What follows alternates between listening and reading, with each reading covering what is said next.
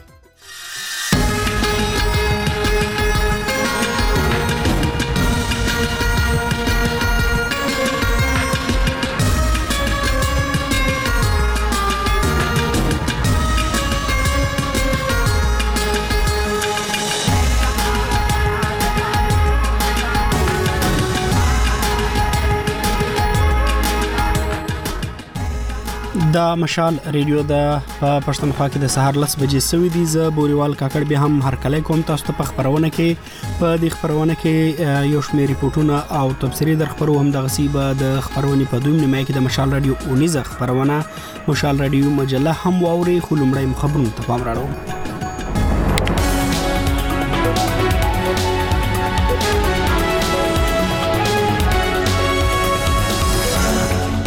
د مهم خبرونو سرټکی او نېشنل ګوند د سند پر نگران حکومت ژغ کړی چې د پښتنو له زورولو لاس واخلي افغانستان ته د تګ راتګ لپاره د پاسپورت او ویزې لازمي کېدو پر ضد پرلت نن په یوشتم ورځ هم په چمن کې روان دي او امریکا ویلي اسرائیل پر دې سلاسه وي چې هر ورځ تر څلورو ساعتونو د غزي په ځینو برخو کې پوځي عملیات ودروي اوس بشپړ خبرونه عوامي نېشنل ګوند د سند پر نگران حکومت ژغ کړی چې د پښتنو له زورولو لاس واخلي د یاد ګوند د سند صوبې مشر شاهي سید پرون په کراچۍ کې تر خبري غونډې وروسته مشال رډیو ته ویل د عامو پښتنو له خوا یې شکایتونه ترلاسه کړي چې حکومت یې د افغان کډوالو په نوم ځوروي. په دې تیر هفته کې موږ ته دومره کمپلین او دومره د خلکو راغلي چې پراپر کوم پاکستاني پښتون دی هغه ته ډیر غټ دی هغه د شکل په مشابهت په وجه باندې هغه ته تکلیف دی هغه تانو ته بوجي هغه وی د ویریفیکیشن په نوم باندې په غنټو غنټو په تانه کې کینولي او بیا تنه پیسې الی او بیا راپدې دي بیا د شپې 2 بجې او 3 بجې راتلل او زنانه او ماشومان غاړو ته چول او ویریفیکیشن په نوم بوتل دا څه ډاکوان خني دي د عوامي نېشنل ګوند مشرانو ویل چې که حکومت له دې کاره لاس وانه خیست نو دوی به د احتجاج لپاره سړکونو ته راوځي د سیند حکومت په دې اړه تازه خبرګون نه دی ښودلی خو تر دې وړاندې ویلي وو چې دوی یوازې هغه افغان کډوال نیسي چې په پا پاکستان کې د اوسېدو قانوني اسناد نه لري افغانستان ته د تګ راتګ لپاره د پاسپورت او ویزې لازمي کېدو پر ضد په چمن کې پرلت نن په یوشتم ورځ هم دوام لري د تاجرانو اتحادیه او سیاسي ګوندونو د پرلت د اکتوبر پر یوشتمه پیل کړی وو دوی غوښتنه کوي چې پاکستاني چارواکي دي د چمن او سپین بولدک ترمنځ پر دروازه خلکو ته د پخوا په څیر پر پاکستاني شناخت کارت او افغان تذکرې د تګ راتګ اجازه ورکړي د په داسې حال کې ده چې د پاکستان حکومت د نومبر له لومړۍ نیټې راځي د چمن پر پوله افغانستان ته د تګ راتګ لپاره د پاسپورت او ویزې درلودل لازمي ګرځولې دي د شمالي وزیرستان به کورسوي خلک وايي حکومت ور باندې پرلت ختم کړي وو خو ور سره کړي ژمنې نه دي پوره کړي د شمالي وزیرستان د کډوالو د کمیټې مشر ملک رحمت غلام پرون مشال راډیو ته ویل د انتظامیې په ډاډي احتجاج ختم کړی وو خو دوی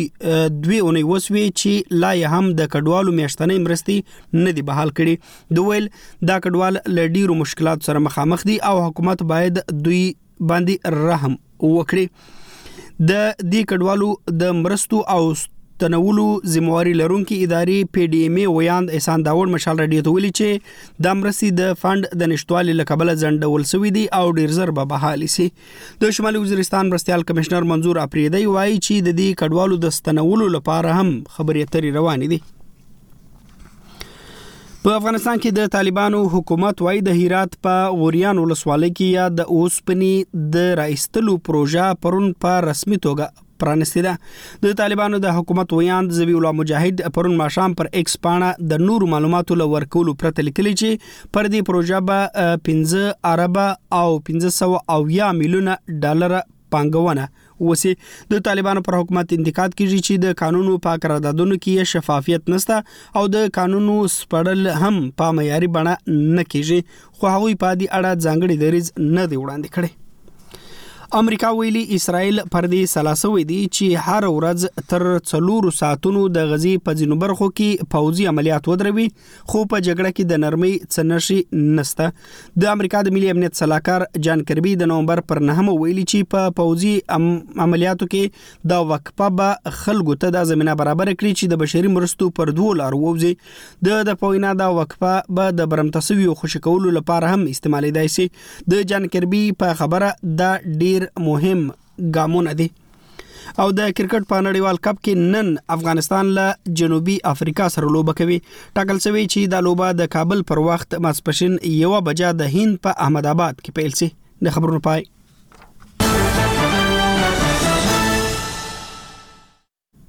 تاسو زموږ غله مشال ریډیو څخه اوري اوریدونکو راځو د ریپورتونو پر لور د عوامي نېشنل ګوند مشرتابه د نومبر پر نهمه په کراچۍ کې د یوې خبري غونډې پر مهال د سند صوبې پر نگران حکومت ژغ کړي چې هلته د میشتو پښتنو لزورولو لاس واخلي غني نو دوی به په احتجاج لاس پور کړی د یاد ګوند صوبایي مشرتابه دا خبرې له هغه وروسته کړې دي چې د دوی په وینا په ګڼ شمیر پښتنو ورته دا شکایتونه کړي چې حکومت یې د افغان کډوالو په نوم زوروي دوی تور پورې کړي چې پولیس یې پر نیمو شپو کورونو ته ورځي او میرمنې او ماشومان تاڼو ته بیایي چې اسناد وګوري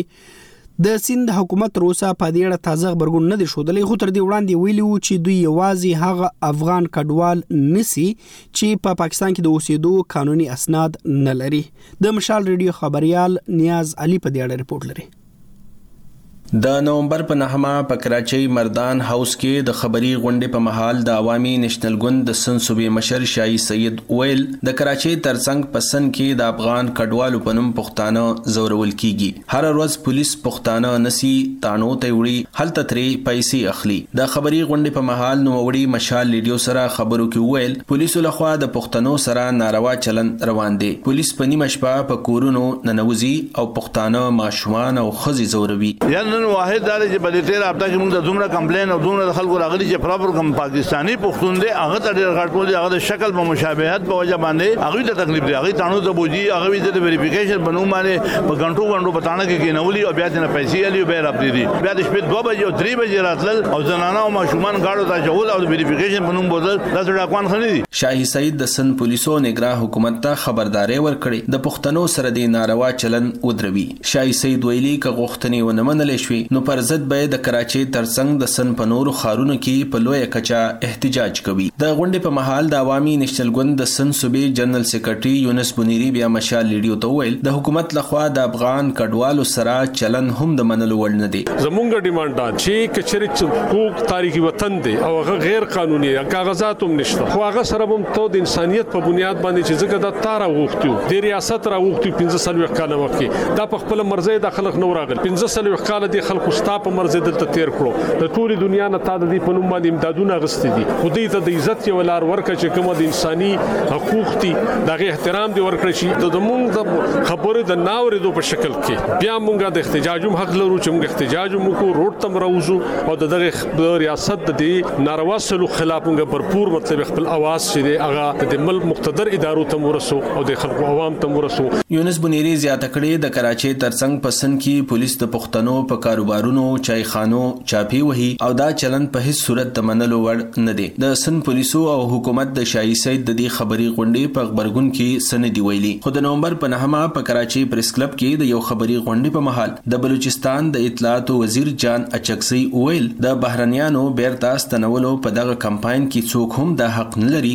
چې پښتانه وځوروي. هېڅوک دا اجازه نه لري چې دوی دې یو پاکستانی پښتون په دې نامه پورته کړي چې هغه غیر قانوني دی. هېڅ پولیس دا حق نه لري. د دې خلاف به پلټنه کېږي. که چېرې داسې جدي شکایتونه وي، د یو عام پښتانه پاکستاني ښاریز په کراچي کې اوسي، د هغه حق همدومره دی لکه د یو بل پاکستاني ستانیز په پنجاب کې اوسي لہذا په دې نامه باندې دا غو زورول چې دی د منلو وړ نه دی لیکن که چیر شکایت وسی موږ د پلټین د لپاره تیار یو دا په داسې حال کې چې پاکستان د بې اسناده افغان کډوالو د ایستلو بهیر د نومبر د لومبۍ نیټې نه پیل کړی دی او تر اوسه یې لسګونو زره افغان کډوال د تورخم او چمن د لارو بیرته افغانستان ته لیږلي دي. په کراچۍ کې افغان کډوالو او د خیبر پښتونخوا او بلوچستان د پښتون میشت سیمو سره تعلق لرونکو وار په وار بیا مشال ریډیو ته ویلي چې پولیس یې نیسي، ځوروي او پیسې ترې اخلي. په ټولنیزو رسنیو بیا هم دا ډول ویډیوګانې مخې ته راغلي چې د سن په بیالابیلو سیمو کې عام خلک د پښتنو په دوکانونو، چایخانو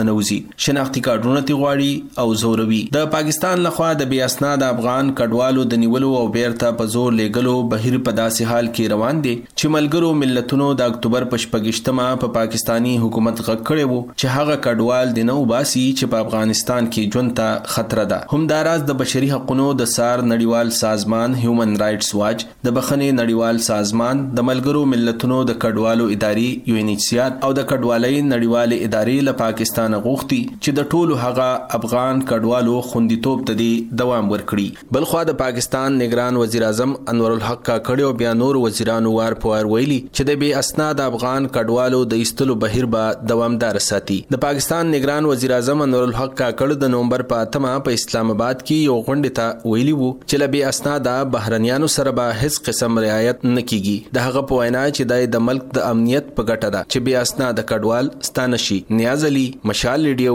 کراچۍ.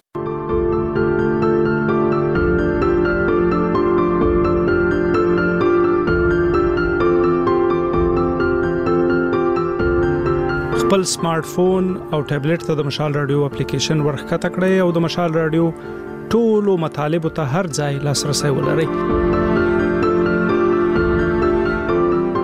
طریقه ډیره اسانه ده M A S H A A L R A D I O دا ولیکئ په ګوګل پلی او یا اپ سٹور کې او د مشال رادیو اپلیکیشن در سره ښکته کړئ د دې ترڅنګ کله چې په خپل سمارټ فون او ټابلیټ کې خبرتیا ترلاسه کړئ نو د مشال رادیو اپلیکیشن ورسره تازه کوئ لدې سره به د مشال رادیو مطالب ته ستاسو لاسرسي لا زیات اسانه شي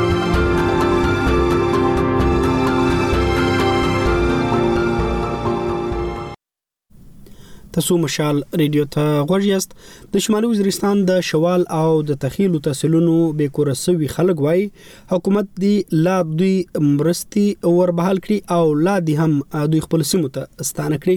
دوی له مشال رادیو سره په خبرو کې ویلي چې حکومت ورباندې پرلت ختم کړي خو اوس ورسره کړي ژمنې نه پوره کوي د دوی په وینا د انظامیه په ډاډې د اکتوبر له 14مې پیل کړي پرلت د اکتوبر پر شلمه پای تر رسولې وو خو له هغه راځي دوی اونۍ سوي دي چې لا هم نقد مرستي نه دي بحال سوي دوی وايي له سختو مشکلاتو سره مخامخ دي خو چارواکي بیا هم ډاډ ورکوي چې هم به مرستي ور بحال سي او هم بیا د ستنولو لپاره ګامونه پورته سي عمر وزیر په دې اړه نور حال راکوي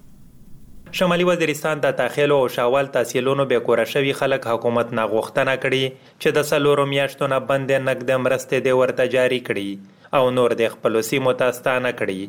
دوی د اکتوبر دیارلسمې نه بنو بکاخېلو کې د یادې غوښتنې په لړ کې یوه اونۍ پرلت هم کړی و، چې د اکتوبر په شلمه یې له انتظامیې سره د مذاکراتو او حکومت ډاډ اخېستو پس خپل پرلت ځنډولی و.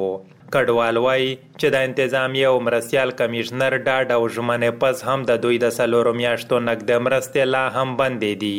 دوی وايي چې نهه کلونو نه زیاته موده یې په کډوالۍ کې تېره کړه، نور نه شي زغملی. د شمالي وزیرستان کډوالو کمېټۍ مشر ملک رحمت غلام مشال رېډیو ته وویل، چې کلونو پس هم د دوی کډوال د خپلو سیمو پر ځای په بګاخېلو کې میشته دي، هره میاشت ورنه مرستې هم بندولې شي. احتجاج یې د انتظامیې په ډاډ ختم کړی و، خو د ژمنو دوه اونۍ پس هم د کډوالو مرستې بحال نه شوې. دلاسې کلونه د کډولۍ ژوند تېروي، چې کيمې په شروع کې مرستې مېلاوېدې، د شل زره روپۍ میاشت په میاشت د ډېر وخت نه بند شوي دي نو میژ ډېر پر لتینه وکړل د میژ سره ژمنه وشولې خو هغه ژمنې چې کیمې دي درویزغي نې شولې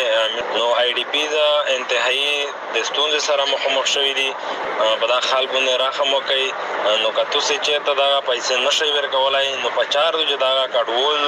خپل کلی وطن ته واپسي وشي. او د میشت سره د واپسۍ خبره شوی دو خو یکنفرم نیټه میشت ته نه درو کړی د حکومت نه دا غوشتنه کی چه دا زر نه زر به حل کا که نه وی دغه خلکو یو ځل بیا هم په احتجاجی نه ګونه مجبوریږی چه په تمبیون کی ژوند تیروی د غربت سره مخامخ شوی دی. د شمالی وزیرستان بی کوره شوو خلکو دغه غوښتنو په اړه مو چه کله د شمالی وزیرستان مرستیال کمیشنر منظور افریدی نه وپوښتل نو دوی مشال رېډيو ته وويل چې د کډوالو وپسۍ په اړه خبرې روانې دي، تمه کړي چې روان کال کې دوی ستانه کړل شي. د څلورو مياشتو نه چې مرستې ځنډول شوې، نو هغه به زر جاري شي. متعلقه ادارو سره په تماس کې دی. د فنډز د نشوالي له وجې ځنډول شوی. د خيبر پښتونخوا قدرتي افتونو سره د انتظام اداره، پي ډي اېم اې، ويان احسان داوړ هم په دې اړه مشال رېډيو ته وويل، چې د کډوالو میاشتینې مرستې د ملک د اقتصاد خرابو حالاتو او د فنډز د کمي له وجې ځنډول شوې دي، زر به ورته شروع شي. کوم دوی ته میاشتینی نغد امداد میلاویږي، د هر خاندان ته به شل زره روپۍ د فنډز د نشتوالي د وجې نه په دې کې شک نشته چې لږ لېټ شوي دي، کوم ډايرېکټر ده، ډي جي صاحب ده هم نور چې کوم چارواکي دي دا ټول لګيا دي او اميد ده چې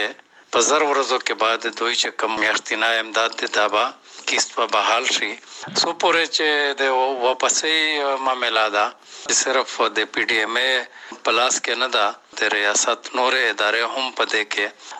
لاس لري او کله هم د چا علاقه صفا شي، اپرېشنې وشي، د صفایۍ، صحت انتظام وشي، د تعلیم انتظام وشي، نو بیا ټول چې څومره ادارې دي، په مشترکه سره بیا د واپسۍ لپاره یوه تګلاره جوړوي. د شمالي وزیرستان ضرب عضب عملیاتو نه لکونو خلک بې کوره ول. چې د انتظامیې په وینا د ټولو تحصیلونو خلک اوس خپلو سیمو ته ستانه شوي، خو د داتاخیلو نیمایي یعنی اتلس زره پورې رجسټرډ کورنۍ لا هم پاتې دي.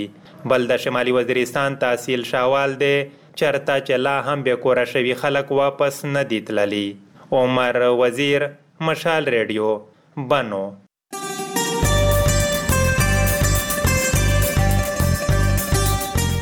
د مشال رادیو د جمعې ورځې اونیزې خبرونه د مشال رادیويي مجله په لسنیمو بجو هارون بچا هنري غړې په یو بجه تاندې هلي په دوه نیمو بجو د مشال په نوم په دریو بجو حجره په سلور نیمو بجو د ځوانانو غږ په پنځو بجو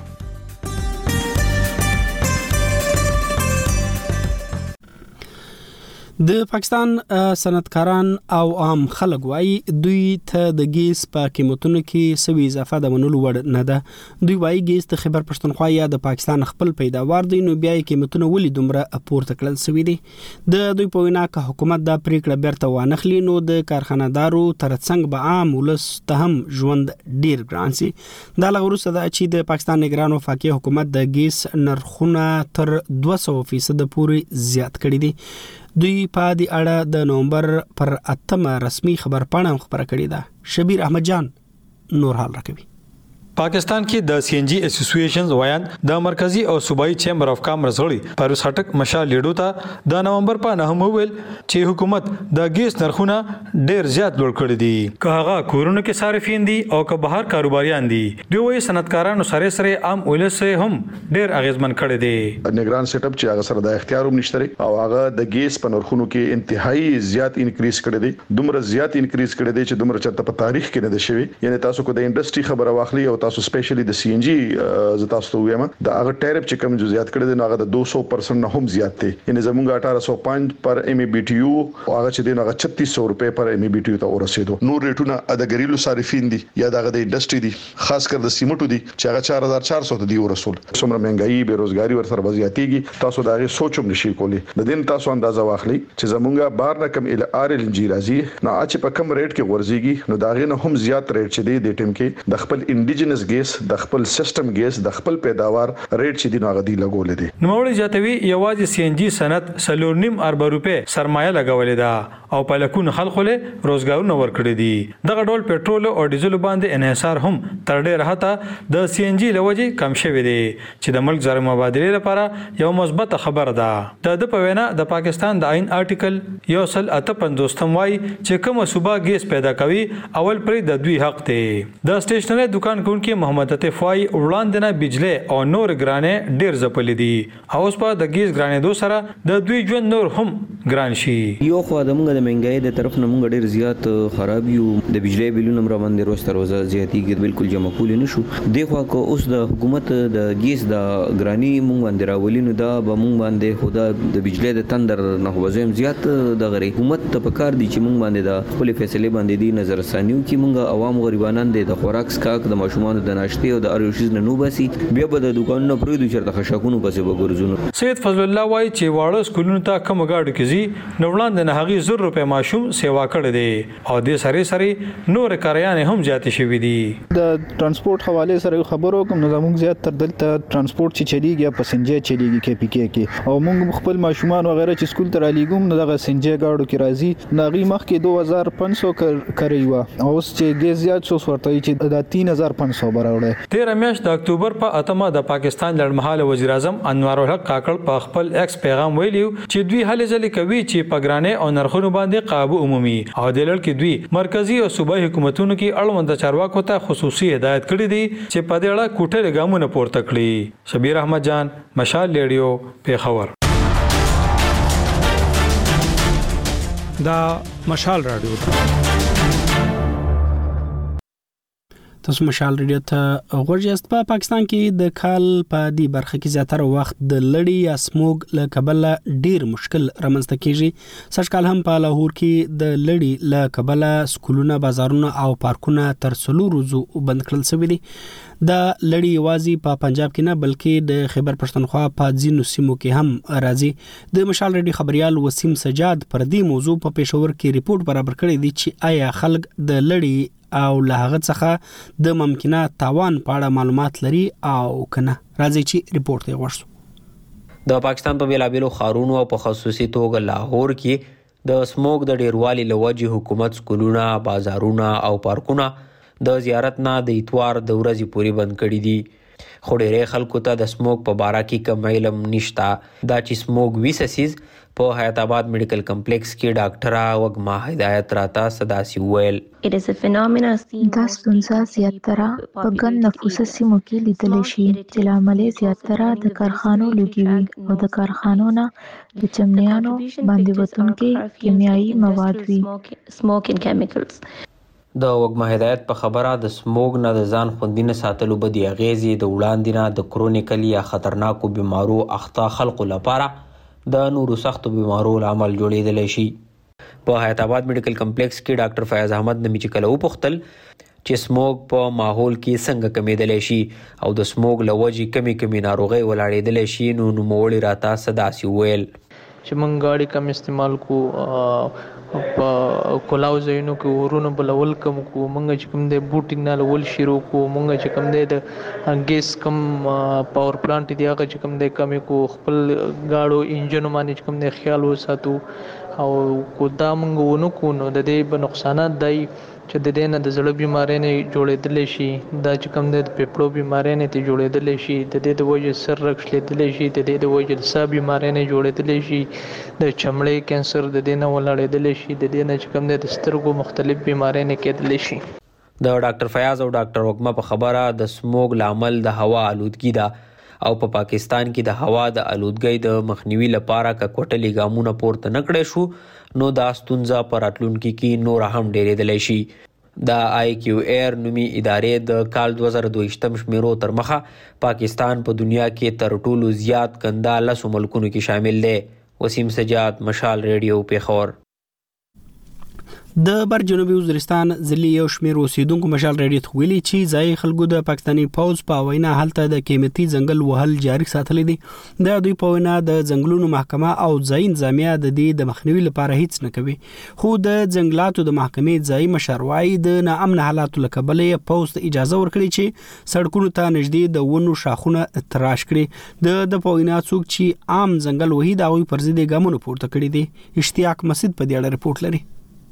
د سویلي وزیرستان پر ضلع اوسیدونکو مشال رادیو ته ویلي دي چې د پوز چارواکیو په وینا مقامي خلکو د قیمتي ونو ځنګل وهل لګیا کړي دي او د ځنګلاتو محکمې چارواکي یې د مخنیوي د پوره هڅه هم نه کوي په دغه برعکس د سروکۍ سیمې تحصیل چیئرمن شاه فیصل غازی مشال رادیو ته وویل د پوجې طرف په د سوت وزیرستان نه چې کیم د روډه د سر نه کیمې ونې دي ځنګلې دي د دوی خال ته ویلې دي ها پوج چې توسې د ځنګلې تافا کې په دا بنیاد بندې خال ته یوا موکه هندل او شولا او هر سړی پاریز وي او ونه یې ګټه وایي او ځنګل صفویی کوي پوج ته دا یې یې چې په دا بندې نه امن رسي او دا چې کیم دشت ګردی کیږي نه په دا بندې روکتام یې کیږي دا د ځنګل او د قوم د وطن د انتهایی بربودی د مخ شهاده کټویی شوی وه اوس بیا ها دا کټویی بیا راونه د بدر سیمې یو مشر ملک نورخان ماسید ویايي چې د امنیاتي حالات په واجه پوځ د روډ په غوړه د ونې وهلو خبره ورته کړییدو.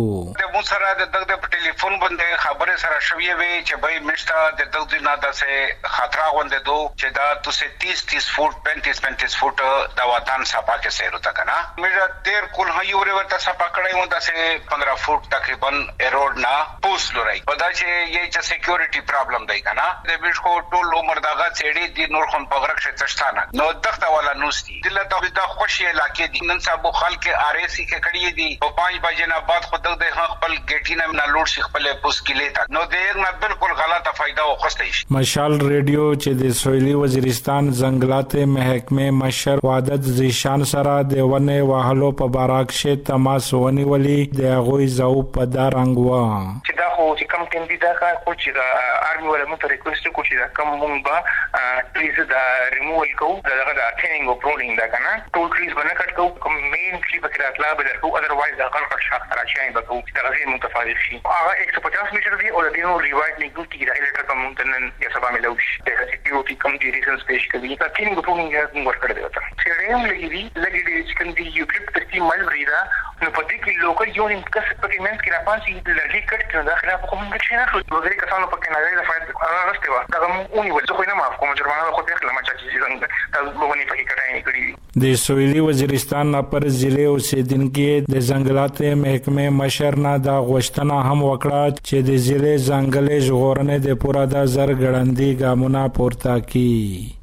اشتیاق مسید مشال ریډیو ډیره اسماعیل خان.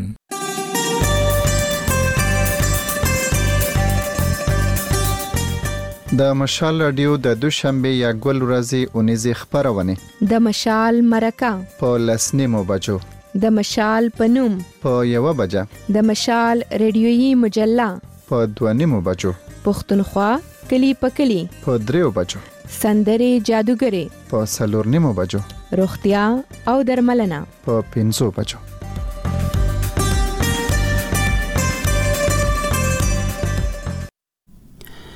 د امریکا سپینه ماڼۍ ویلي چې اسرائیل پر دې سلسوي چې په ورځ کې تر څلورو ساعتونو د غزي په ځینو برخو کې پوځي عملیات ودروي دا خبره د امریکا د ملي امنیت سلاکار جان کربي کړي او دا یې مهم ګام بللی دی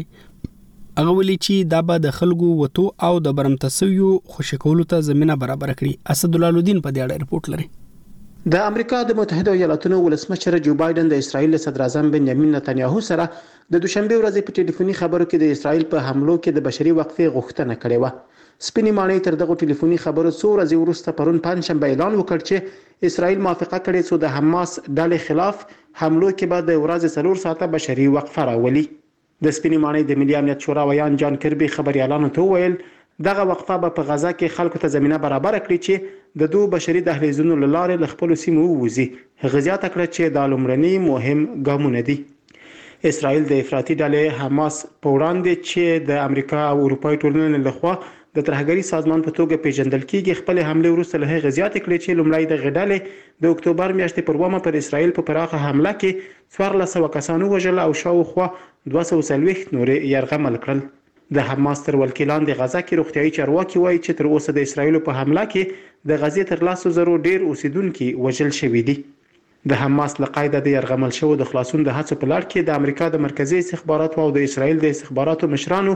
د قطر له صدراعظم سره په دوحه کې کتلي دي. بل خوا تمه کېږي چې د جرمني د بهرنیو چارو وزیره د اسراییل او حماس تر منځ د جګړې د شدت د کمېدو لپاره نن جمعه منځني ختیځ ته سفر وکړي. د جرمني د بهرنیو چارو وزارت یوه ویاند وویل چې انالینا بیربوک به متحده عربي اماراتو، سعودي عربستان او اسراییل ته سفر وکړي. د حماس جنګي ډلې د سیاسي څانګې د مشر اسماعیل هانیه او د حماس د پخواني مشر خالد مشعل په ګډون د دې ډلې لوړپوړي غړي پرون د مصر پلازمېنې قاهرې ته ورسېدل. رویټرز خبري اژانس د حماس ډلې د اعلامیې له مخې لیکلي چې د حماس ډلې دغه لوړپوړی هیئت د مصر د استخباراتو د عمومي ادارې له مشر سره د غزې پر وضعیت خبرې کړې دي. په پاریس کې هم پرون د اتیا هېوادونو او سازمانونو مشرانو په یوه غونډه کې له غزې سره د بشري مرستو د همغږۍ پر لارو چارو خبرې وکړې. اسراییل چې د حماس ډلې د نابودۍ ژمنه کړې، وايي په غزه کې دننه د پرمختګ په عملیاتو کې درې دېرش سرتېري وژل شوي دي.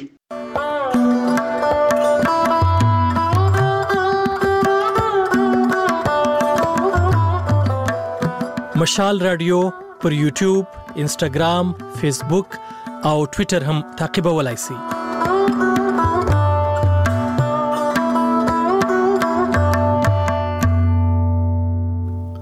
تاسو مشال ریډیو ته غوړیاست د خبرونې نیمایي ته رسیدلیو د مهمو خبرونو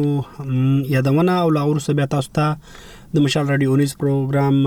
رادیو مجله وړاندې کوو عوامي نېشنل ګوند د سیند پر نګران حکومت ځخ کړی چې د پښتنو له ځورولو لاس واخلي د یاد ګوند مشرانو پرون په کراچۍ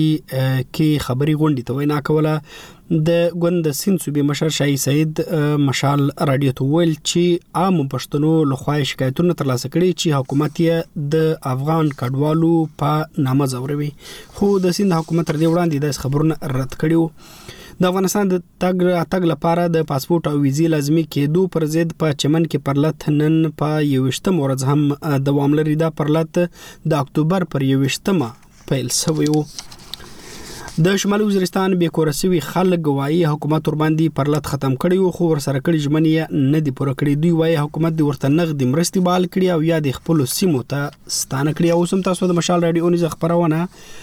مشال رادیو مجله وړاندې کوو د خبرونې کوربان نجیب عامر دی او تاسو لپاره په تکراري توګه خبرېږي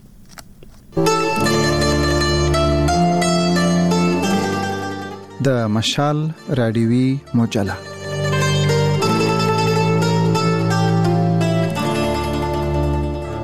د مشال رادیوي مجلې ګران اوریدونکو نجیب عامر مو په یو تازه غنه کې هر کله کوم دا اونۍ د یو پښتون ستوري د رالوېدو ساند وایو. لایق زاده لایق یادوم چې د اکتوبر په دېرشمه یې له نړۍ سترګې پټې کړې. هغه د نولس سوه نهه پنځوس کال د جنورۍ په پنځلسمه په سوات کې زېږېدلی و. ښاغلی لایق د راډیوي پروګرامونو وړاندې کوونکی یا پروډیوسر، د پېښور راډیو په ګډون د پاکستان د اکثرو دولتي راډیو سټېشنونو مشر او منتظم پاتې شوی و. د نوموړي خدمتونه په نثر او نظم دواړو کې څرګند دي. موږ به نن په خپرونه کې د هغوی د ژوند او خدمتونو په اړه له پوهانو سره خبرې کوو. ما له ډاکټر اباسین یوسفزي سره د لایق زاده لایق پر شاعرۍ خبرې وکړې. ستاسو پام دې مرکې ته راګرځوم.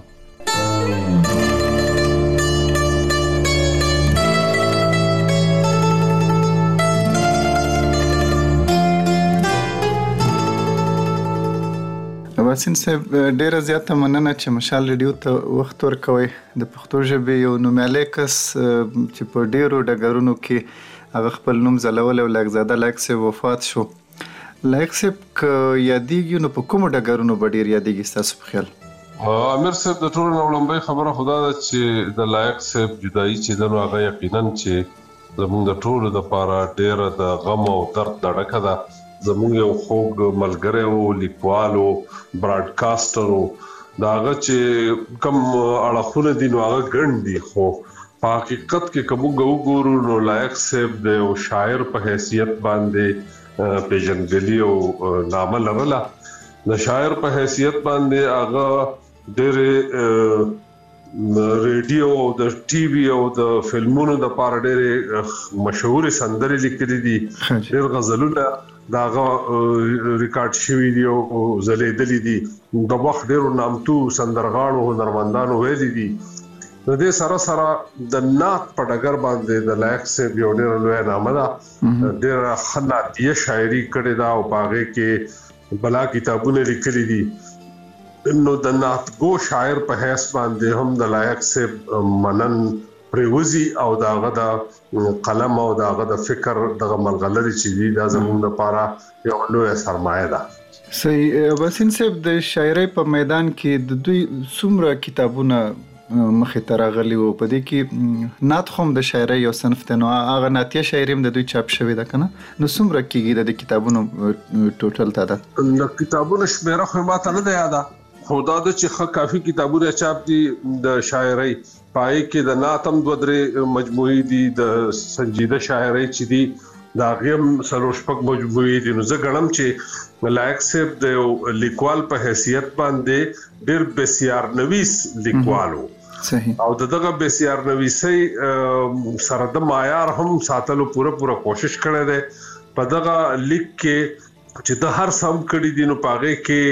دا په نظر کې ساتلي چې د ژبې ښېګړه او د قام او ولس لارښودنه پکې هم وشي او د هغې نه علاوه د هغه هنر او د هغه ژانر معیار هم برقرار پاتې شي نو زه ګڼم چې لایق صاحب زموږ د دور یو ډیر ستړی لیکونکی وو هغه کله افسانه لیکلې ده کله یې سریزي لیکلې دي کله یې ناتونه او سندرې لیکلې دي او کله یې مقالې لیکلې دي او وګدي وګدي خبرې لیکلې دي نو زه غنم چې لایق صاحب زمونږه په دور کې په هغه لیکونکو کې شاملو چې د تیرو سلوي خو 500 کالو نه مسلسل خپل قلم جاری ساتلې ده او درولې نه دسې ګڼلی شو اباسين صيب چې ښايي په څليريشو ساعتونو کې که دی بيمار نه و نو دی به هسې نه شو کيناستی خامخا به يې څه ليکل. د ريټايرمنټ نه پسې هم دغه کړي دي چې هره ورځ به يو ايس ايم ايس خلکو ته ليږو په هغې کې به يو شعر ليکو د هغې سره به د اردو ژباړه او تشريح هم ليږله نو دغه کار يې په اخري عمر د ناروغتيا د ورځې پورې کړی دی نو ښه د زړه زوری و د دې سره سره دی د یو براډکاسټر په حیثیت باندې ډیر شهرت لري. ده د پښتو ادب، د پښتو ثقافت، د پښتنو تاریخ، د پښتو ډرامه، د پښتو فیچر دا ټول څیزونه ده چې دي ده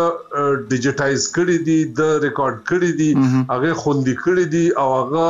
یقین وکړئ چې ما او ده یو ځای ډیر پروګرامونه کړي دي، نو یو ځل یو پروګرام ما او ده یو ځای کولو. د هغه پروګرام نوم او ستاسو خطونه او زمونږ جوابونه نو ولس په خطونه را لېګل او موږ ته جوابونه ورکول نو اول دا 15 منټه او دا پروګرام بیا دا نه پس دغه یو خبرونه چې کوم 15 منټه موږ پرانسته و دا ورسه د سلويخ منټو ته بیا په هفته کې 20 سلويخ منټه صحیح. نو دا یوه ډیره عجیبه غوندې خبره وه بیا دومره ډیر خطونه راتله چې ما سر ته نه شو رسولی نو لایق صاحب ته مې وې روره دا پروګرام دې بند که نو د صحیح. هغې نه پس هغه هغه خپرونه بیا وتړله کنه ما د پاره ډیره ګرانه شوې وه ډیر خطونه به راتله نو دا ده چې مونږ کم کار په شریکه باندې کوو هغه ماته یادیږي چې موږ به تر دومره ناوخته پورې په ریډیو کې کار وکړو چې بیا به رالو نو په بازار کې به ډوډۍ نه وه نو کله کله به مو تش فروټ واغسته میوې به مو واغستې او د هغې سره به چېرته سړه ډوډۍ پیدا کړه به مو خوړه اوده به شو داسې وختونه هم په موږ راغلي په وخت کې د خو واده کړی خو د بچی په کلی کې او مالا واده نو کړی په یونیورسيټي کې بچرته ناستو او بس اوده به شو چې په نیمه صحیح. شپه به راورسېدو بیا به اوده شو بیا اها. خوراک کله لږ ډېر خوند کړی. اها. وسیم صاحب د دې نه معلومېږي چې ستاسو جذبه او د ده جذبه چې ده دا د کار سره یو یو لیونۍ مینه وه یعنې مثلا هغه ماموریت نه و چې سهار اته بجې به شروع کېږي او ماسپښین مازدیګر پنځه بجې به ختمېږي دا یو لیونتوب و یو یو بې انتها مینه وه د ژبې سره د خلکو سره د خپل فن سره همدغسې ده؟ د دغه یو مثال به تعمیر صاحب زه درکم یو ورځ داسې چلو چې ماښام وخت دی ما د خپل خبرونه تقریبا داسې شپږ نیمه بجې پای ته ورسوله خو په دغه ورځ باندې د غنی خان د سلورو کتابونو مخکتنه شوی و نو په مخکتنه کې زه شریک وم نو ده ته چرته سرکولر راغی چې یاره په هغه مخکتنه باندې یو فیچر یا یو رپورټ ورکا ښه نو هغه د ماته وې چې یاره دا خو دغه خط راغلی نو ما ته په مخکتنه کې خو زومه نو ماته وې چې کار وشو ماته وې 15 منټه خبره په پکې خو زمون سره وخت صرف نیمه غنټه پاتې ده نو لیکل پکې نه کیږي خو راځه کینه چې ریکارډینګ ها چې مونږ لاړو صاحب نو د اوس ما د ځان سره داسې پوائنټس او هنټس واغسته چې زه لږ ډېر ما ته هغه معلومي چې څه څه ویل دي. ښه دي ښه. نو ما د ځان سره دغه واغسته چې سټوډیو ته لاړو نو دی ما ته وایي چې زموږ سره ټیپ نشته د ریکارډ کولو د پاره. اها پټه نشته. اها لایف به ورځو. وایي بیا به څه کیږي. نو ما ورته ویل چې لایف خو زه نه یم تیار او پټه پیدا کړه چې دا ریکارډ کړو نو وخت پکې تقریبا څه شل پنځیش منټه وخت نشر کېدو ته پاتې خاجي نو د ماته وی چې زه ګورم خو بس پټه د ګرځي ډیرو ګرځي دوه پای کې ولس منټه نورم ځای شو خو پټه پیدا نه کا اخر کې راغې ماته وی وایا نو به ریکارډ کوم نو ما یې زه پټه پیدا کړی ما پټه پیدا کړی نو د چې ما وې 15 منټه ما بغیر د لیک نه هغه رپورت وړاندې کو 15 منټه خپه سیکوینس او خپه یو ټیمپو کې چې کله وشو هغه رپورت ریکارډ شو نو د زه چې د تر اوته ما د هغه ټیپ په منډه یوړو هغه لایف سټوډیو ته ولته ورکو پروګرام کې بس هغه د وړمبې د تمهید نه پس هغه نشر کېدو صحیح نو چې هغه ته یوړو چې دا راغی بیرته نو ما د یاره تاسو چې لګو ټیپ نشرته پیدا کو ما ته خبره دلته یو ټیپ پروت و هغه به الټه کو دای په بل مخ مې ریکارډ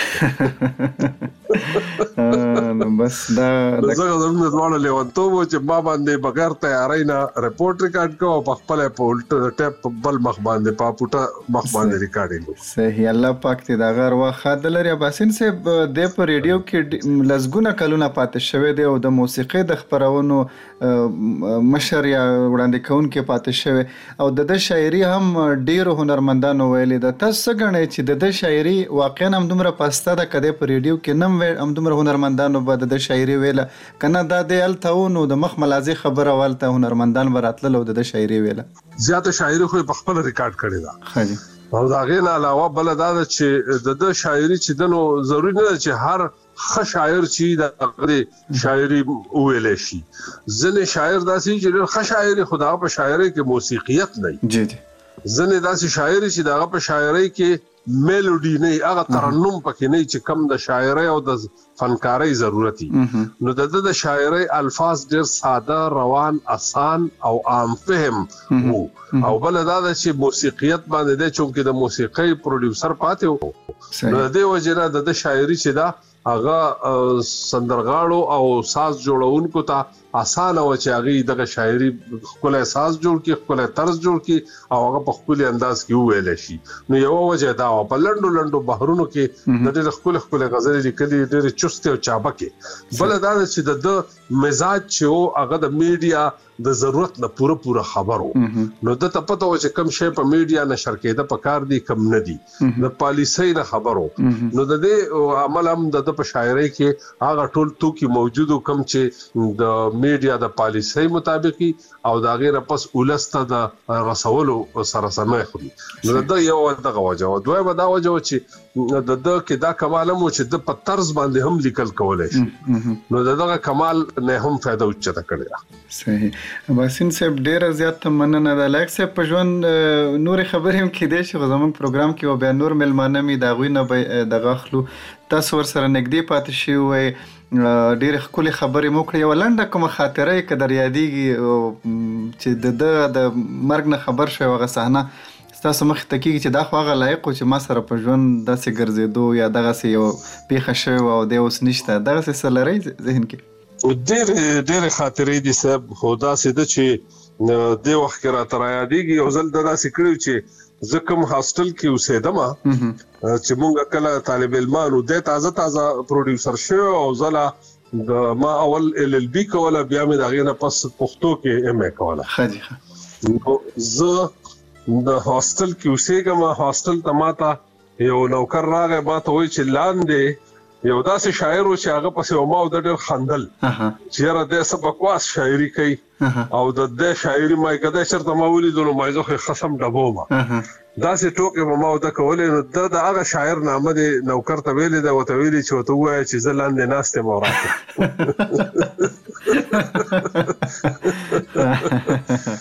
نو ما سوچ وکړو چې یاره یو خو دغه شاعر دومره حوصله څنګه وکړه چې ما ته وایي چې لاندې راشه په کار دا ده چې دی بره راغلی خو بیا مې وې یاره دا خو د پښتو ملک دی او دی زما کور ته راغلی ملمه دی نو بس زه راکوز شوم زه زه راکوز شوم خو څه اوس راکوز شوم خو ما ځه اوس ملمه دی نو چې څه وایي هغه به منو چې زه راغلم دی ناستو دی ناستو ما وې چې ته خو لوړ په لاس راشې ته خو تش راغلې نو دا یو خاطره راته یادېږي د ډاکټر اباسین یوسفزی چې د ارواښاد لایقزاده لایق پر شاعرۍ یې موږ ته معلومات راکول خو لایق یوازې په شعر کې لایق نه و، نثر یې هم ډېر زیات لیکلی او په دې لاره کې یې هم په بېلابېلو ژانرونو کې کار کړی دی. هغه افسانې، پر کتابونو سریزې او سفرنامې لیکلې دي.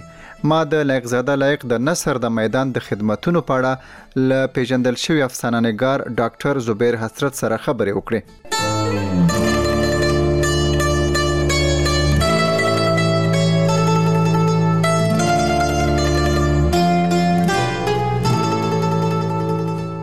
زبیر اسرت صاحب ډیره مننه چې مشال رادیو ته وخت ورکوي لغزاده لایق صاحب د الله پاک وبخي په دې وروستیو کې وفات شو داغه پر ژوند باندې ما د نورو پوهانو سره هم خبرې کړي په افسانو يې تاسو راته ووايئ لائق زاده لائق صاحب په افسانوي ادب کې په پښتو افسانه کې د ده څه مقام و دوی خو هم ډېره وخت نه نثر ليکه او بيا افسانې هم ليکلې دي تاسو به خامخا لوستي مهرباني نو لائق زاده صاحب د الله تعالی غريق رحمت کې زموږ خو ډېر د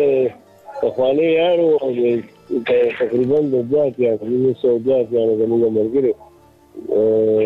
په شاعر او خادم او خپل کې خپل اثار او خو اثار نګار خالي دا غو افسانه دوه مجموعه غالبا چاپ شوې دي چې په یو کې ملي افسانه وي او په بل کې یو سل او شل افسانه وي دا دا غو تخصیص دی چې لکه دومره ګڼ شمیر کې په یو کتاب کې افسانه د چا په رسد پر ریلیز چاپ شوی صحیح هغه د افسانو کلیات هم چاپ شوی دی هغه یو سره شل دی خیر نو دا دغه د فن خوبین دا او د دې مراد دام دی چې هغه سره د موضوعاتو کمی نه نو دا هغه افسانه چې دی نو هغه کرداري هم دي، ماحولي هم دي، بیانیه هم دي، مکالماتي هم دي او اکثره افسانې چې ما دا به لوستي دي، نو ما ته خو یې نومونه نه یادېږي، خو هغه زیاتره چې کوم دی، نو څه بیانیه انداز لري او څه مکالماتي انداز لري. بعضې افسانې چې کوم دي، لکه اوس خو د خطونو دور نه دی، که نه؟ اوس خو د میسجونو دور دی، د الکترونیک میډیا دور دی. او په دې الکترونیک میډیا دور کې چې کوم دی هغه د زړې زمانې هغه د خطونو هغه دور چې کوم دی را تازه کړی دی یا د تازه کړی دی په خطونو کې یو بل ته افسانې لیکلي دي د هلک او جینه صحیح نو زما خیال دی چې په دومره مقدار کې د معیار تعین کم از کم زه نشم کولی خو په دومره مقدار کې افسانې بل چا نه دي لیکلي څومره چې لاک زاده لاک صاحب لیکلي دي، نو دوی ته موږ یو بسیار نویس لیکونکی ویلی شو. حسرت صاحب دوی به نثر کې نور څیزونه هم لیکلي مثلا دی یورپ ته راغلی او د هغې سفرنامه هم لیکلې ده، سفرنامې. سفرنامې یې لیکلي دي، بل دا چې ترجمې یې کړي دي، اور کشمیر دلته رها کنه یا نور داسې.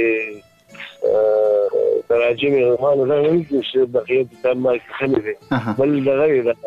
چې چې د عبدالخان لاله سره د کشمیر هغه د کشمیر وزیر وکړه بالکل نو دی سره سکرټر پاتې شوی دی نو دا ټول حالات هغه سره ګډي چې تل دي په خپل سترګو باندې نو بیا دا کتاب چې نه هغه په ترجمه کړي هم دی نو ترجمه دا چې کوم دی نو دی چې خره او اسان دی روان دی همفهمه وي نو ښه دی چې په همروزه محاوره ژبه کې ترجمه یا ترجمه شوې ده لفاظي پکې نه شوې یا لفظي ترجمه یې نه ده کړې مفهوم یې رانشته نو هغې په خپل لفظونو کې باید صحیح حضرت صاحب په ریډیو کې پاتې کېدو دله څومره ګټه رسولې وه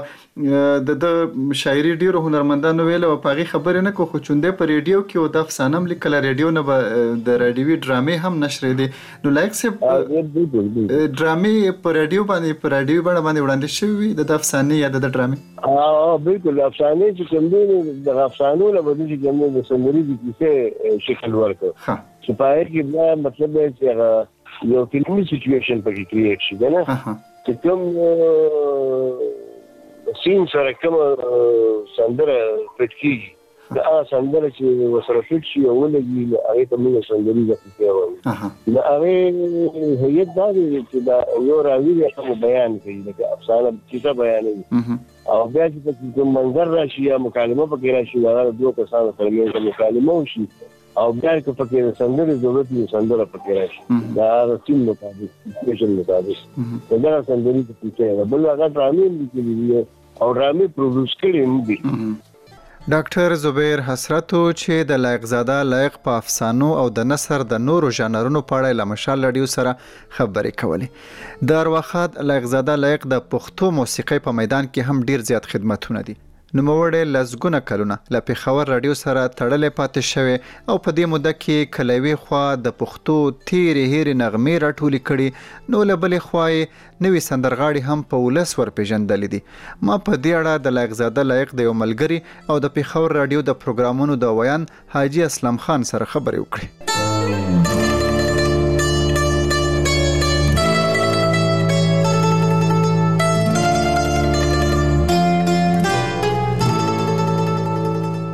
حاجي اسلم صاحب ډیره مننه چې مشال رادیو ته وخت ورکوي تاسو هم په رادیو پاکستان پیښور کې کار کوي لغزاده لغ صاحب هم د همدې رادیو پروډوسر پاتې شوی دی تر هغې لوی چوکۍ باندې هم کار کړی دوی د پښتو موسیقۍ لپاره چې کوم خدمتونه کړي دي اول به په دې دغه باندې وغږیږو چې دا کوم نوې سندرې د دوی په وخت کې ریکارډ شوي په دې راته سو وای بیا وروسته چې کوم نور خدمتونه دي دا غوي په غیب نظر واچو مهرباني اجي صاحب ډیر مننه نجیب امیر صاحب او زما د مشال ریډیو چې څومره همکارانی تاسو او بیا زما غږ په دي وخت کي څوک هم د هوا د څپو سره ال ول اوري ټولو ته سلامونه نيکي هيلي او احترامات وړاندي کوم. وعلیکم سلام. لایک زاده لایک صاحب د موسیقۍ خبره که مونږ راواخلو نو هغه زه دا وایم چې د نثار محمد خان صاحب نه پس دا دویم کس دی چې په ریډیو کې د موسیقۍ د څنګه ته د ډیر زیات ترقی ورکړي دی او پرمختګ ورکړي دی دا غوي په کریډټ باندې ډیر سندرغاړي ډیر هنرمند دي چې هغه ریډیو ته هغه راوستي دي هغه ته موکي ور کړی دي او د هغه غږونه خلکو اوریدلې دي خوښ کړی دي او هغه بیا په ټولنه کې پښتون پښتونخوا دلته دا او چرته پښتون دی نو هغه یې نوم ګټل دی پاږي کې به موږ یو نوم واخلو د نازیا اقبال اها د نازیا اقبال په نو سندرغاړو کې دا د لګزاده لایک سیب متعارف که راوسته ریډیو ته او هغه ته موقع ورکړي او بیا د ریډیو نه پس هغه ته یو نوم خدای پاک د ریډیو د وجې ورکو او دنیا پیژنده بالکل بیا د هغه چې کله په ریډیو کې پروډوسرو نو کاغه سره به موسیقي وا او کنه بوا نو داغه د شوبې ته دومره خصوصي پاملرنه کوله یو پیراغي یو پروګرام شروع کو نوې ترنګ نوې ترنګ یې شروع کو او په نوي ترنګ کې به هغه د اشوکیه هنرمندان چې نو دي ته به موقع ورکولې او په هغه کې ډیر ډیر خخ نویات اوازونه به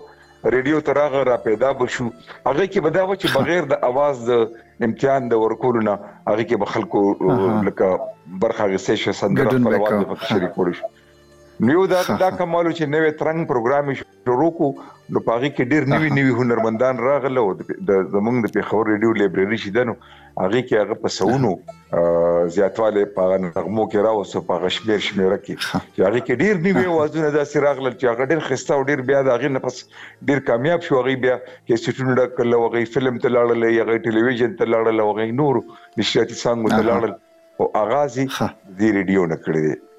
صحیح ده حاجي صاحب ډېره مننه. دا خو د لایق صاحب د اوسنۍ موسیقۍ دپاره هغه خدمتونه شو. په رېډیو کې چې دا د زړو سندرو د راټولولو یوه لړۍ پیل شوې وه، په دې کې د لایق صاحب څومره کنټریبیوشن و یا د ده لاس و په دې کې؟ داسې وه نجیب عامر صاحب چې کله د زړو سندرو دا خپرونه چې اوس هم روانه ده، د تېر هېر اوازونه په نوم، دا په کال 2000 کې هغه وخت کې لایکس پروډوسر او دا یو خیال یو ایډیا زما ذهن ته راغلی و چې زمونږ په کال کې زما یو تروخ دی په اکتوبر کې نو دا سیزونه به مونږ کړه ډیرو دا ریکارډي باجی او دا ریډوان نو نو دغه زما ذهن کې ګرځیده نو دغه یو ایډیا ما غي تور کې چې یاره داسې یو پروګرام به شروع کو چې هغه بنوم تیرې روازونه نو هغه وی چیرې مو سره خو په ریډیو کې دونه نغمې نشته او نو ما یره ما یو خوب لیدلې دی چې دې شي الله پاک هغه رښتیا کی چې دا ریکارډونه دی او په ځمکه خوندي دي زما د تر د کټ لاندې او هغه ماته وی دا وکنه او دا را برسیره کا او دا تیری روازونه دي نو لایک سي پروډوسرو او زه د هغې کوربه وم نو تر ډېرې مودې پورې لایک صاحب زموږ دغه دغه پروګرام پروډوسر پاتې دي لایک سه ماته دا د چې یو هغه په خلاص مټ اجازه راکړي و چې د دې سندرو پر غونډولو کې او بیا دا په خوندې کولو کې داغه یو ډیر کوټل کردار په دې پروګرام کې زما سره ما به سندره را پیدا کړه د ککوړي په شکل کې بیا هغه نه موږ کیسټ په شکل کې ریکارډینګ وکړو بیا بل اکس په خپل کې نه سو هغه به پیتی ته واړوله ریډیو کې موږ سره کومه سیستم وکنه بل د هنرمندانو نو دا به ما چې کوم مونږ چې کله دا پروګرام پیل کړو هغه وخت کې په دې پخوانو هنرمندانو کې ځینې ژوندي وو نو هغه به ریډیو ته مونږ راوبللو هغه ته ډیر په رون تندي د هر کلې مو کو او مونږ به دا غي سره انټرویو مو کا د دغه په خوانو هنرمندانو پاتلو په دې د د تور ککوړو کې خوندي نغمه چي دي د دې پړوند مونږ غي سره مرکه مو کې نو تر کومې پورې چې د لیک صاحب خبره وه چې کله بیا د دې پروګرام منیجر شو نو هغه دا وی چې راځه ستا دا پروګرام چې دی تیر روازونه د دې دا زبل چاته نه ورکوم نو دې سره ته زما نوم اخیستی شي ځکه چې زه به ستا د دې هغه سپرویژن یا هغه دغه کوم کنه الان کې هغه هیڅ مداخلت پدې کې نه کولو ما سندري را پیدا کړې دي ما که سندرغاړي راوسته دي نو هغه ما ته خلاص مټ را کړو او د هغې په همدغه وجه وه چې زه لکه د لیونو په دې ټوله پښتونخوا کې ګرځېدلی یم او ما دا نغمې را پیدا کړي دي او د پېښور ریډیو په لایبرري کې مونږ دا خوندي کړي دي بیا مونږ داسې کار وکړو چې یو پروګرام مونږ شروع کو معلومات په ما راغونډول د فنکارانو د ژوند او د فن په اړوند باندې او یو خپل سکرپټ هغه ولیکلو نو بیا به ما ویلې د هغې نامو خاپونه نو لیک په بیا داغو هغه بل ادبي رنګ مل ورکو زما غلي کلو له نو ما باغوي نو په دغه فن هنرمندانو مونږه دغه پروګرامونه ډیر لکه تر دوه کال پورې دغه لړۍ مونږ چلولې و او په دې باندې بیا مونږ دوه کتابه ملیک یو لایک سی بولی کول فنکار نمرې یو بیا ماولی کړو تیر هیر اوازونه چې غدواړه خلکو خوخ کړ نو په دې کې زما سره د لایق صاحب هغه ډاډ او هغه مرسته او ملاتړ در سره کلو کلو مټ باندې ماته اجازه د حاصله وه صحیح اجي اسلام خان صاحب نو تاسو خو ډیر کلونه لسګونه کلونه یو ځای کار وکړو اوس هغه وفات شو او نشته نو ته شای احساسوي زه که زه دا وایم چې ذاتی تور ځاني تور چې لایک صاحب زما د یو استاد درجه ورکړی دا اوس مت ورکوم من د لایک صاحب نه په دې ریډیو کې ډیره زده کړه کړې ده او دغه سلسله لا بند نه و دا لا روانه و چې لایک صاحب رانه به وخت لاړ او مونږه په اوچا ډاګه پریخو ډېر خبرې ډېر پروګرامونه به داسې راتلل تر دې پورې ما په په ټلویزیون باندې هم په دې پخوانو هنرمندانو باندې یو پروګرام کړو یو کال پورې چلیدلو سندرې ملغلرې او بیا په یو پرایویټ ذاتی چینل کې د لالونه په نوم باندې موږ پروګرام یو دوه کال چلولو نو تر دې پورې چې هغه د ټلویزیون پروګرام کې به هم ما د لمن نه پرېښوده او د ده نه به ما ما مشورې اخیستې چې یاره داسې یو پروګرام مونږ کوو نو ته دې کې مونږ سره که دغه ملګرتیا لرې نو دا به ډېر ښه بیا کوم هنرمند چې کله سترګې پټې کړې دي نو هغه یې باندې سمدوار هغه یې په ریډیو باندې خکلی پروګرامونه کړی دی واغی کې اکثر سکرپټ هغه د اولی کلو ماته به چې راشه دا صحیح پلانې هنرمن چې دی نو دا سترګې پټې کړې دنیا نه تللې دي نو په دې باندې دا پروګرام مونږ کو نو دغه دغه خدمات دي نو مونږ به د دې دا کمې نه پوره کیږي دا به ګام په ګام مؤسسو تر څو پوره شي ریډیو ته زمونږ رابطه وی یا اوریدونکو ریډیو اوري نو د لایک سیوا کمی نه پوره کیږي نو بس تاسو د خدای ژوندي لري اج اسلام خان صاحب او دا غلارې نور لارویان چې دي هغوی ته د خدای پاک ډیر ژوند ورکړي مونږ خوشاله یو ممنون یم چې مونږ لا مو وخت راکړ د لایق صاحب په حواله مو ډیرې مرغلرې خبرې راته وکړلې جی ډیره مننه د مشال ریډیو څومره ملګري چې دي اوریدونکي چې دي د تاسو د ټولو یو جهان مننه چې تاسو په یو ښه لیکوال او ښه شاعر یو ښه انسان باندې دغه خپرونه را جوړه کړه او د اوریدونکو تر غوږو مو رسول یو جهان مننه د حاجي اسلم خان چې د ارواښاد لایق زاده لایق د موسیقۍ د میدان د خدمتونو یادونه یې کوله د لایق د خدمتونو فهرست ډېر اوږد دی موږ یې یوازې ځینو اړخونو باندې رڼا واچولې شوه له همدې سره اجازه غواړو چې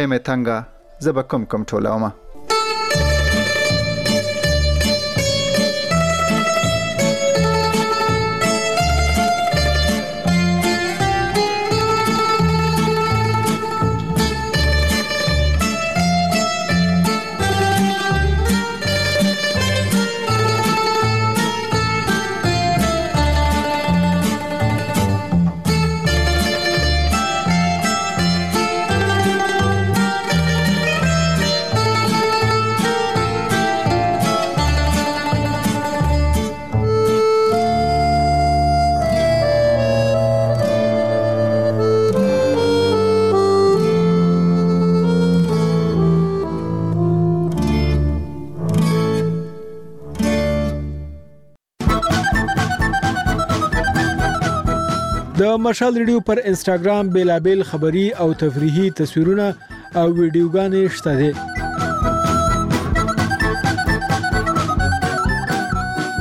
کولای شئ خوښې یې کړئ او تبصرې یې پرې وکړئ.